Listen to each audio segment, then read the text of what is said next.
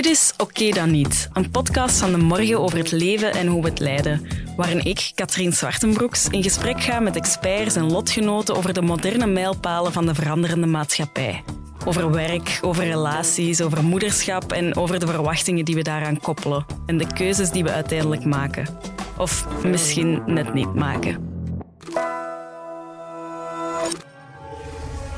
Hope is like the sun.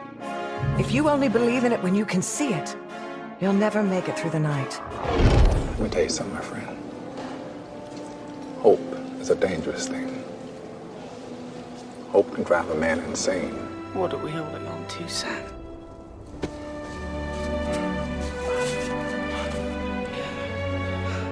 There's some good in this world, Mr. Frodo. And it's worth fighting for. Hoop doet leven, zegt men wel eens. Zeker wanneer dat leven een beetje pittiger wordt. Tijdens de coronapandemie werden ramen versierd met posters waar alle dagen hopen op stond. Een sentiment dat bij ieder van ons wel binnenkwam, ook al wisten we nog niet exact wat we ermee bedoelden. We kleefden het achter ruiten, we verwerkten het in sms'en, maar we durfden het niet van de daken te schrijven. Want wat is dat eigenlijk, hoop? Toen ik mijn boek over de tijdsgeest aan het schrijven was, zei ik tegen mijn uitgever dat ik het wel belangrijk vond dat er ook een hoopvolle ondertoon in lag. Maar zelfs toen wist ik niet hoe wat ik daarmee wilde zeggen. Al wist ik wel dat ik, en misschien bij extensie wij allemaal, er nood aan hadden. En dus zocht ik mensen op die me misschien geen directe hoop, maar tenminste wel al een nuttige definitie zouden kunnen bezorgen. Ik merk dat uh, in deze tijden, uh, dus door uh, allerlei zaken die in de wereld aan het gebeuren zijn, dat bij de mensen de nood aan hoop eigenlijk nog prangender is geworden dan in de tijd dat mijn boek gepubliceerd is geweest. Aan het woord is politiek filosoof en docent aan de UC Leuven-Limburg, Pleri Leschi.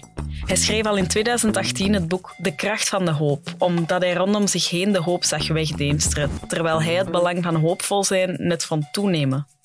Telkens wanneer hij ging spreken, werd hij geconfronteerd met hoe mensen dachten dat de Derde Wereldoorlog zou uitbreken, hoe die wereld om zeep was en hoe niks nog iets zou uithalen. En dat was nog voor de coronapandemie en voor de oorlog in Oekraïne. Naar voorbeeld van Martin Luther King besloot hij om zich te focussen op de rol van hoop in de weg naar een mogelijke verandering. Een rol waar lang niet iedereen zich bewust van is. Want ook in de academische kringen waarin Leeschi vertoefde, heerste een soort van minachting voor de term. Het werd weggezet als naïef en melig, ongefundeerd, een slechte raadgever.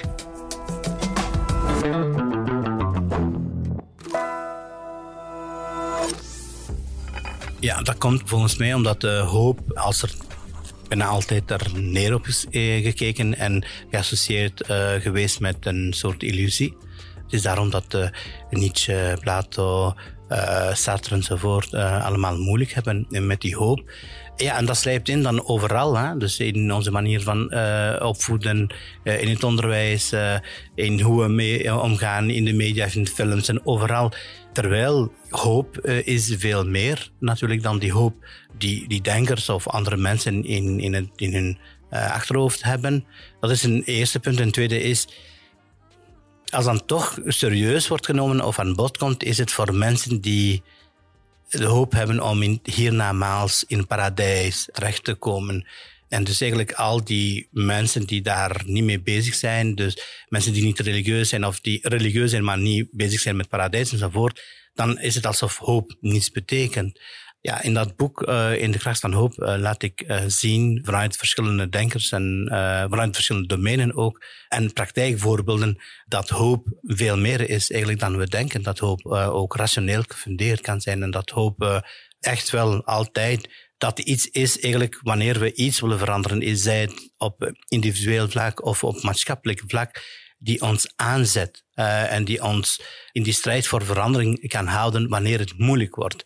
En uh, het wordt altijd moeilijk wanneer we iets willen veranderen, want uh, dat is nu eenmaal verandering, dan, gaat het niet vanzelf. En de vraag dus voor al die mensen die denken dat hoop cheesy is, uh, ik zou willen dat ze zichzelf een vraag stellen. Wanneer het moeilijk wordt, wat zorgt ervoor dat ze blijven doorgaan? De kans is groot, bewust of onbewust, dat een van de zaken die ervoor zorgt dat ze toch wel blijven doorgaan, is de hoop dat er iets toch zal veranderen.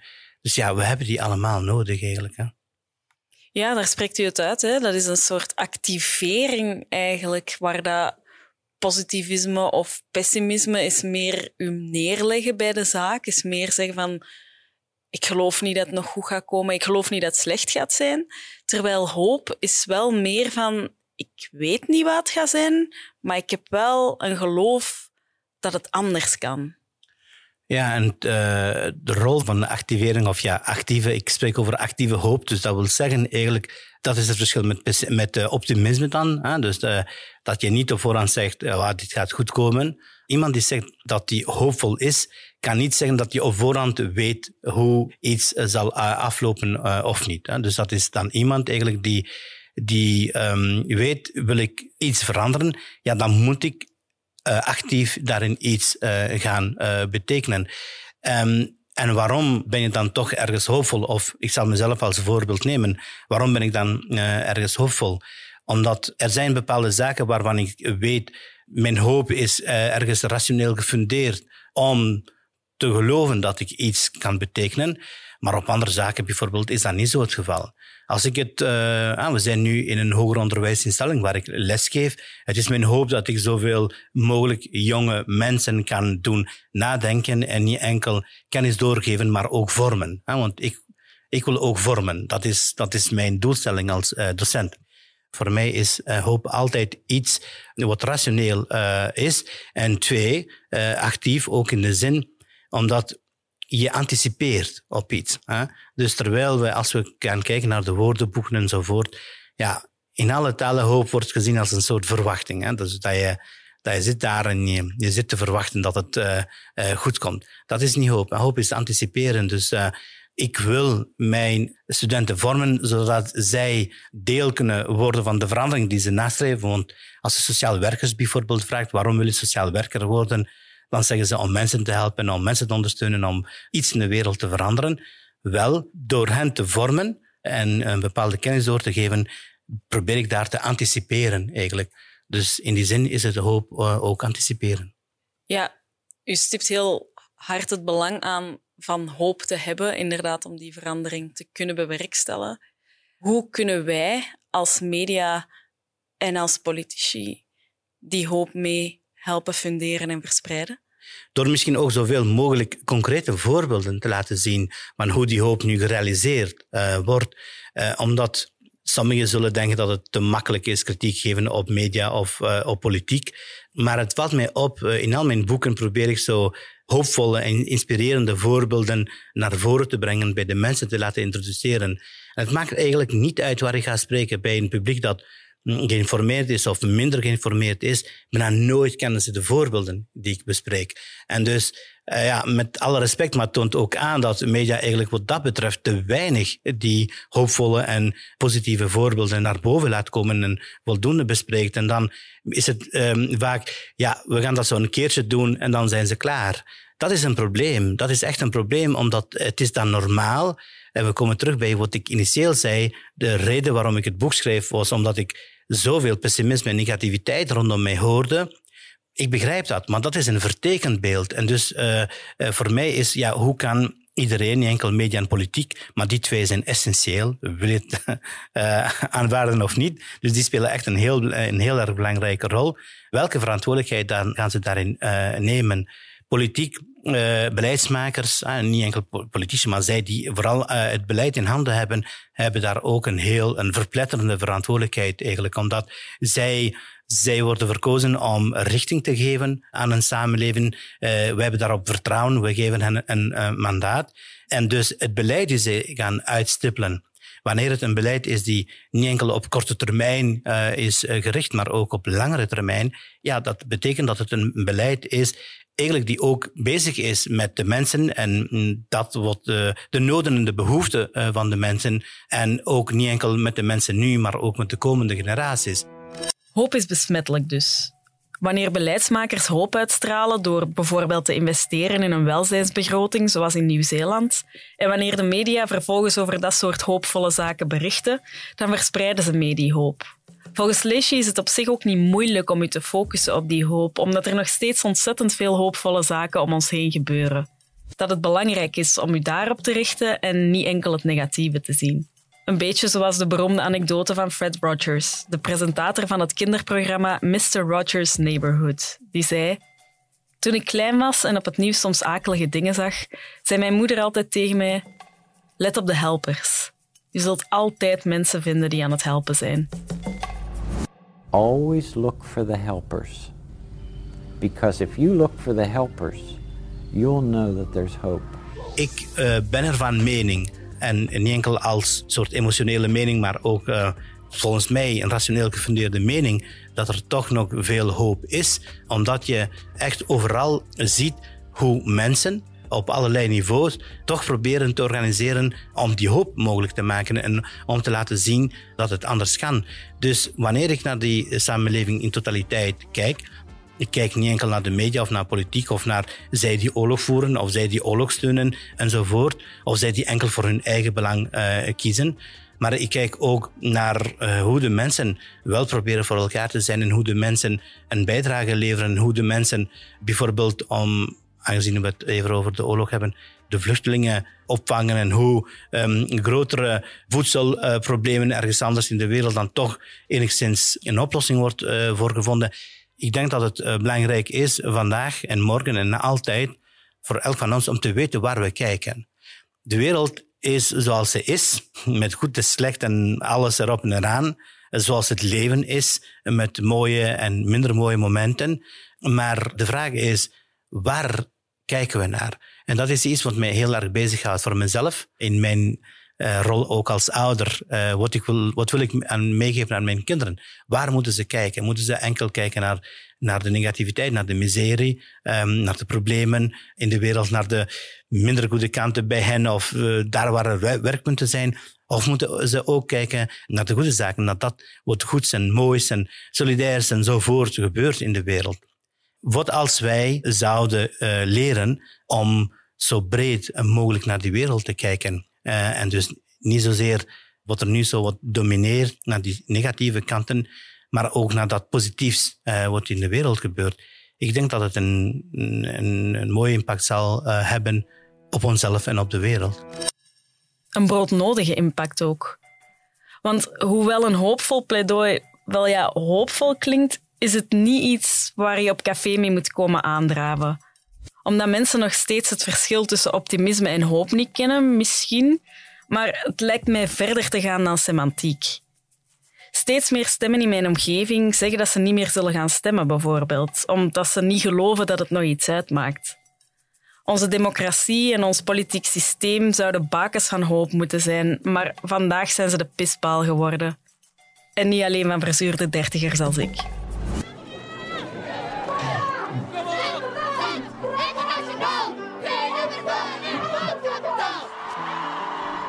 Ook jonge mensen, bij uitstek de mensen die nog stamina en de gewrichten hebben om op de barricades te kruipen, hebben het idee dat via de traditionele wegen het allemaal niet meer zal lukken. Dat zegt ook Emir Bashrouri, voorzitter van de Vlaamse Jeugdraad, die vorig jaar in Weekblad Knak al waarschuwde dat jongeren zich massaal afvroegen waarom ze in godesnaam nog zouden moeten gaan stemmen. Ja, dat is wel echt vaak als ik met jongeren spreek, dat ik echt wel voel dat er heel weinig vertrouwen is in de politiek, uh, in de democratie ook. En dat het heel vaak inderdaad bon ton is om in bepaalde kringen vooral cynisch te zijn en niet meer hoopvol te zijn. Hè. Dat is ook een deel van een bepaalde identiteit bijna geworden. En ik merk dat ook wel in mijn vriendenkring zelf. Uh, dat mensen mij heel vaak als zot aanzien of zo, dat je met mijn zekere onbevangenheid of zo probeert iets in de samenleving ten goede te veranderen dat ze eigenlijk al op voorhand hebben ingevuld van ja, dat zijn maar heel kleine stappen die dat je zet in zo'n groot geheel. Waarom doet je dat eigenlijk nog? En is het niet veel beter om je battles wat eruit te kiezen en dan te zien waar dat je het beste je energie kwijt kunt? Dus dat is heel uiteenlopend, denk ik. Maar over het algemeen is er niet zoveel animo voor een politiek engagement of zo. Nee, maar hoe denk je dat dat komt? Goh, ik denk vooral dat jongeren vaak uh, in de eerste plaats kijken naar waar dat zij op de korte termijn heel snel veel impact kunnen hebben. Dus het moet snel zijn, het moet veel zijn. En het mag vooral niet lang duren en te veel vragen. Terwijl dat als je in het samenlevingsmodel of zo je engageert vandaag de dag, merk je gewoon dat je heel veel moet doen om heel kleine stappen te kunnen zetten. En ik denk dat de return on investment, of zoals bedrijven dat dat noemen, hè, voor financieel kapitaal Ja. of zo, dat dat in het engagement dat je in iets steekt, dat je daar heel vaak weinig voor terugkrijgt. En soms zelfs in de samenleving als naïveling, als eh, weet ik wat voor iemand die alles maar kumbaya vindt, wordt weggezet. en ook niet positief wordt aangemoedigd en gesteund om dat engagement op te nemen. En ook weinig herkenbaarheid, denk ik, in je eigen omgeving. Ehm, ja, als het zo wat in je sociale bubbel heel aanvaardbaar is om te zeggen dat dat politiek engagement bijvoorbeeld eigenlijk helemaal niet van tel of van belang is, dan denk ik dat je je daar ook heel snel aan conformeert of zo als jongere. Ja, ja ik, ik, ik snap wat je zegt met die lange termijnvisie ook een beetje, maar is het enkel dat of is het ook misschien... Ik merk zo wel ook gewoon een gebrek aan vertrouwen. Wanneer dat kennissen van mij zeggen van ik ga niet meer stemmen, heeft dat niks te maken met... Oh ja, het duurt allemaal te lang vooraleer dat er verandert, maar gewoon court, er verandert niks. En ik heb heel veel wantrouwen in de politiek, ook in de media. Hè. Ik als journalist moet mij dan ook heel vaak verantwoorden. Dus is het ook niet dat een beetje, de kern? Ja, en, en ik denk ook wel dat het, hè, dus dat gebrek aan vertrouwen, spruit denk ik ook wel voort eh, uit het feit dat het allemaal zo lang duurt en dat er heel weinig rek en beweging op zit. Hè. Want vaak als je dan met jongeren spreekt erover, ja, maar op welke partij dat je ook stemt, ze staan uiteindelijk allemaal in die end voor hetzelfde. Terwijl dat dan natuurlijk in essentie niet zo Ja. is, want die vertrekken allemaal vanuit een bepaalde ideologie. Net zoals dat bij journalisten ook het geval is dat de morgen niet de standaard is, maar voor sommigen is dat allemaal één pot nat en zijn ze bij Ja. wijze van spreken de baarlijke duivel die met alle zonden van Israël beladen worden. Eh, en dat is denk ik wel vaak moeilijk, ook voor mezelf. Want heel vaak word je in een verantwoordende positie gezet zonder dat je dat wilt. Ah ja, maar je neemt al dat engagement op. Ja. En altijd als ik dan een lezing aan kinderen of jongeren heb gegeven, ah, en hoeveel krijg je daarvoor betaald? Zo. Ja, ja. Het dat moet het- altijd direct iets opbrengen. Ja. En liefst financieel dan ook. Terwijl ik denk dat veel daar inderdaad voortspruit uit een frustratie. ehm, en ook inderdaad wantrouwen. Ja. ehm, in de gevestigde orde of zo. ja, ja, de systemen Ja. met hoofdletter. ja, ja, ja, ja. Eh, Denk je dat dat een self-fulfilling prophecy is een beetje? Ja, dat denk ik wel. Ik denk dat als je in een omgeving ook wel ziet waar dat het heel aanvaardbaar is, dus om inderdaad te zeggen dat de politiek er bijvoorbeeld niks van bakt, dat je op den duur ook gewoon bang wordt om bepaalde tegenwind te brengen, want dan word Ja. je snel afgeschreven als de good mens. En een good mens is per definitie in onze samenleving iemand ja, die het eigenlijk allemaal niet zo goed begrijpt en tegen wil en dank eh, doet alsof zijn neus bloedt. Ehm, en, en dat is wel hè, wat ik zelf ook wel vaak merk als ik dat tegenwind toch probeer te bieden aan vrienden of zo. Dat ze mij heel vaak op den duur ook wel isoleren. Als in, ja, maar dat is logisch dat hij dat zegt, want die heeft een bepaalde agenda. Ah ja, dus ja. er worden ook heel veel intentieprocessen gemaakt. En dat is wel in heel dat hoopverhaal, denk ik, belangrijk. Want de poppers van deze wereld die ooit zeiden dat optimism een moral duty is. Ja, ik denk ook dat pessimisme een voorrecht is van mensen die het op zich al vrij goed hebben. Ja. Ik vergelijk dat altijd ook wel met eh, een leerling die 5% haalt voor een bepaalde test. Als je daartegen zegt, je moet aan 30% geraken, dan denkt hij, "Hmm, als ik een volgende test me goed inspan en eh 55% haal, dan zit ik aan die 30% als gemiddelde. Maar voor iemand die 80% haalt en nog naar 90% moet kijken, Ja. dat klinkt al bijna aan je groeipotentieel te zitten, waardoor dat het heel moeilijk is om dat nog te bereiken. En dan merk ik wel vaak van, hoe verder je achterstand is, hoe groter ook de sprong die dat je voorwaarts maakt. Ja. Dus dat is wel een gevoel dat ik vaak merk van als het echt, echt slecht is hè, in bepaalde situaties of het echt niet goed gaat, dan is men soms wel hoopvol en zoekt men dat in religie of in spiritualiteit of in eh, ja, een politieke ideologie of zo, om er toch nog te geloven dat de samenleving er beter Ja. op wordt. Terwijl dat ik individueel achterblijf. Ja. Ik sprak hierover ook met Blair Leshy en die zei ook dat het belangrijk is dat de instituten waar dat mensen het vertrouwen in verliezen wel een zekere vorm van hoop moeten blijven uitstralen. Want politiek dat draait in essentie wel rond het veranderen of, of het verbeteren van onze samenleving. De voortrekkers van hoop dus eigenlijk.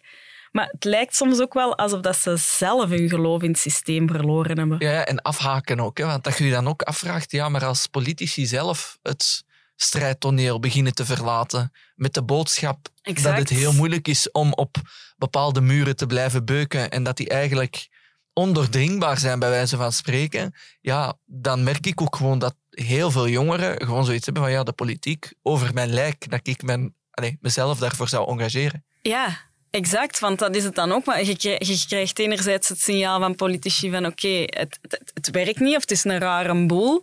Anderzijds gaan inderdaad jongeren die misschien wel nog het engagement hebben. En dat is dan ook weer een self-fulfilling prophecy. Ja, ja, ja, ja, ja. Want ze worden bevestigd door politici zelf. Ja. Hè? Dus, en ik denk dat dat ook voor veel politici die dan wel nog met die drive zitten ook heel frustrerend is, omdat ze dan zien van... Maar achter de schermen ken ik nog geen enkele politicus die heeft ontkend dat die zijn of haar hoop tijdens het politieke mandaat wat een knauw heeft gekregen of zo. En zou jij jezelf als iemand hoopvol omschrijven? Ik vind dat moeilijk. Eh, en dat is ook omdat de samenleving u dan in een bepaald hoekje drumt van ah, hoopvol, dus kijkt weg van alles wat er misloopt in onze samenleving. En dat is bijna een dogmatisch iets geworden waar dat je eeuwig mee door het leven loopt. Terwijl voor mij hoop symboliseert zich vooral in de wil om toch nog elke dag iets voor iemand te kunnen betekenen. En er zijn dan dagen dat ik denk van oei, ja, de wereld gaat naar de knoppen of is naar de knoppen aan het gaan. En ik als individu kan daar eigenlijk niks meer tegen doen, want ik ben niet de Messias. Hè, Nee. Dus eh, veel heb ik daar niet meer concreet aan te veranderen. Maar dan zijn er weer dagen dat je ziet dat je impact voor het leven van iemand individueel wel heel veel doet. En dan, dat je dan denkt, ja, ik kan heel de wereld aan. Dus ik ben hoopvol, want het wordt ooit beter. Maar ik denk dat als je een bepaalde vorm van engagement opneemt, dan kun je niet anders dan hoopvol zijn. Tuurlijk. Want als je cynisch bent, ja, dan bent je eigenlijk al gebroken voordat je eraan bent begonnen of zo. Ja, exact. En ik vind dat ook een heel gevaarlijke houding, zo bitterheid en cynisme, omdat inderdaad, dat is zo'n semantisch dingetje dan, maar ik vind dat nog erger dan pessimisme, omdat dat echt gewoon ervan uitgaat van alles is gewoon, is gewoon al slecht en het gaat ook niet beter worden. En dat vind ik een hele, ja, ik vind dat een hele gevaarlijke houding. Ehm, dit gaat misschien heel zot klinken, maar dan nog vind ik het beter dat iemand wel zich engageert voor waar dat die persoon in gelooft, dan u gewoon neer te leggen bij de situatie en te denken, er gaat niks meer veranderen, toekoor. Dit is wat het is en het gaat alleen nog maar bergaf gaan. Terwijl hoop is niet altijd positief, maar dat is wel van, er is mogelijkheid tot verandering en voor een kleine rol ook, je kunt wel een rol Ja. spelen of zo. Dus ik, ik weet het niet. Hoe kunnen we mensen dat terug doen inzien, denk ik? Hoe, hoe houden we dat engagement ja, warm of hoe maken we dat terug warm, denk ik dan? Ik denk vooral dat het antwoord schuilt in ook het erkennen van elke individuele situatie die mensen hebben. Want mensen spreken vaak ook vanuit een referentiekader. En we zijn ook heel snel geneigd, denk ik, om ons eigen referentiekader of, of door ons eigen referentiekaders naar de realiteit van een andere persoon te kijken. Maar natuurlijk, ja, het feit dat je je bijvoorbeeld kunt engageren, dat is natuurlijk wel een voorrecht, want ik heb die tijd, ik heb ook de ruimte van mijn omgeving, ik heb ook de kans om dat te kunnen doen. Maar er zijn evengoed mensen die zich ook heel graag zouden willen engageren, maar niet weten waaraan en waaraf. Dus ik denk vooral dat je ook de vraag moet blijven stellen van wat is uiteindelijk uw rol van betekenis in het leven en in deze samenleving. En ik denk dat vaak mensen dan wel een heel kleine strijd op persoonlijk of individueel niveau leveren, zonder dat ze dat daarom ook gaan categoriseren als een vorm van hoop of zo. Ja. Of dat ze daar de hoop in blijven houden dat het ooit beter wordt of zo. Want pessimisme is denk ik ook, of, of hè, wanhoop, hè, eh, ik, ik denk dat dat ook voor sommige mensen een reële vorm is van, eh, of een reële levenswijze. Om, Ja, dat denk ik ook. En soms denk ik dan ook van, is het niet veiliger om op die manier in het leven te staan? Want je wordt niet teleurgesteld. Je krijgt de deur zo niet in je gezicht. Dus dat, dat, dat was voor mij wel een beetje de zoektocht van... Oei, is dat nu een slecht ding geworden om hoopvol te zijn? Maar ja, ik herken mijzelf ook niet in dat woord. Ik vind dat een heel moeilijk ding, maar dat heb ik sowieso met taal wel. Dat er bepaalde begrippen zijn vandaag de dag waar dat we wel nood aan hebben of discussies over moeten voeren, die niet echt resoneren met de tijd. Zoals hoop, zoals gemeenschap. Die dingen klinken allemaal zo nogal stoffig. Ja, ja, ja. En heel bond zonder naam. Heel, heel, heel bond zonder naam. Eh, en, en dat is dus het probleem, dat het feit dat die meligheid of zo erin zit van, eh, eh, ah ja, ik ben hoopvol, eh, dat, dat is zo heel vaak, eh, de Open VLD kwam denk ik in der tijd ook met een slogan van wij zijn de optimisme, allee, Ja. optimisten, wij zijn de hoopvolle mensen die in de wedstraat nog rondlopen. Ja, dat is... Dat zijn holle marketingcampagnes, maar ik denk dat er weinig mensen zijn die denken van ah, hoopvol, dat is nu echt iets is waar ik me voor ga engageren of zo. Terwijl ik denk dat mensen vaak wel, ehm, of zeker jongeren dan in mijn directe omgeving, maar dat ik toch wel merk, is dat zij soms wel hoopvol zijn op bepaalde vlakken, maar het daarop nog niet zo durven benoemen. Welke vlakken? Ah, Wel, bijvoorbeeld als je kijkt naar in het jeugdwerk, hè, is er heel veel maatschappelijk engagement. En als het dan gaat over racisme en discriminatie bijvoorbeeld, heb je soms jeugdwerkers of jongeren die zeggen van ja, maar dat gaat toch nooit veranderen en racisme, dat is een blijver. Hè. Mm. Eh, terwijl dat je ze dan wel op 21 maart, hè, de internationale dag tegen racisme, ziet meelopen op een mars tegen racisme. Ik denk dat als je intrinsiek helemaal overtuigd was van het feit dat je stem op dat protest helemaal niks zou veranderen, dan zou je op een zondagmiddag niet komen protesteren in de straten van Antwerpen of Brussel Ja. om een duidelijk statement te maken. En dat is denk ik wel vaak dat je dat dan ook merkt op vlak van sport, van om sportief boven mijn vorige prestatie uit te stijgen. Ik denk dat ik aan mijn groeipotentieel of marge zit, maar dat je ze dan toch wel elke keer ziet trainen, elke keer ziet Ja. oefenen, elke keer hun best ziet doen om toch nog maar hun record of grens te verleggen. Dus ik denk dat we vaak ook mensen, eh, onze samenleving heeft ook wel nood aan mensen in hokjes te duwen. En hoop is daar zoiets van. Hè? Ah ja, de mensen die voor hoop staan, dat zijn naïvelingen, dat zijn de Mm. goed mensen. En die hebben waarschijnlijk een lidkaart bij Bond zonder naam. en hè, snapte, zo, in die hun wereld is alles roze geur en maneschijn. Terwijl dat ik ook soms dagen heb dat ik denk, ja, ehm, ik koester een vorm van wantrouwen of ik ben ook wanhopig. En dat ik soms heel rare acties doe. Maar ja, een, rare, een kat in het nauw, die maakt nu eenmaal eh, vreemde sprongen. En dat is wel iets wat ik vaker merk. Eh, die definitie inderdaad over wat hoop is, die stemt niet overeen bij iedereen. En ik denk dat die meerstemmigheid ook wel belangrijk is. Ja, je zou haast cynisch worden van het feit dat aan ons jarenlang verkocht is geweest wat we vandaag dan eigenlijk nodig hebben. En nu is het er niet meer. Ja, ja. En, en daar is de eeuwige vraag ook. eh, Waar, waarom? Hè? Want vroeger, hè, dat is ook wat Mark Elgardus ooit eh, heeft beschreven in een boek, dat er ook een evolutie merkbaar was tussen mensen die hun eigen persoonlijke situatie misschien heel miserabel inschatten, maar dat wel voor de bredere samenleving het licht aan het einde van de tunnel wel zagen of zo. Terwijl vandaag de dag mensen pessimistisch zijn over hun eigen toekomst, maar ook over die van de samenleving. En controle is daarin ook wel belangrijk. We hebben weinig controle, denk ik, ook nog over fenomenen die ons, bij wijze van spreken, te beurt vallen en waar we weinig inspraak Ja. over of in hebben.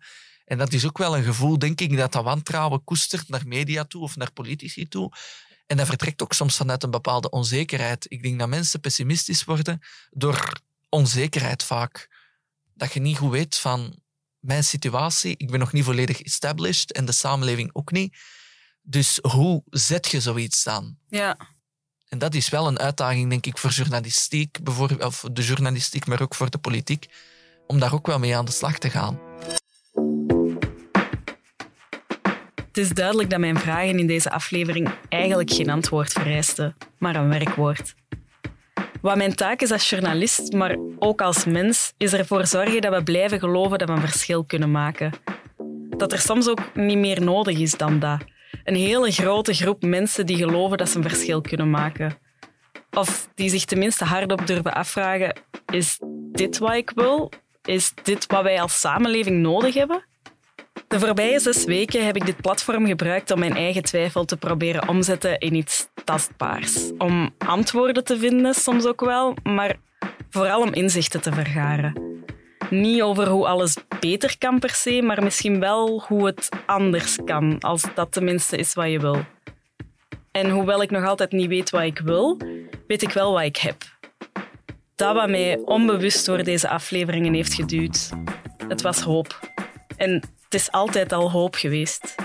Alle dagen hopen. En ik hoop voor u hetzelfde.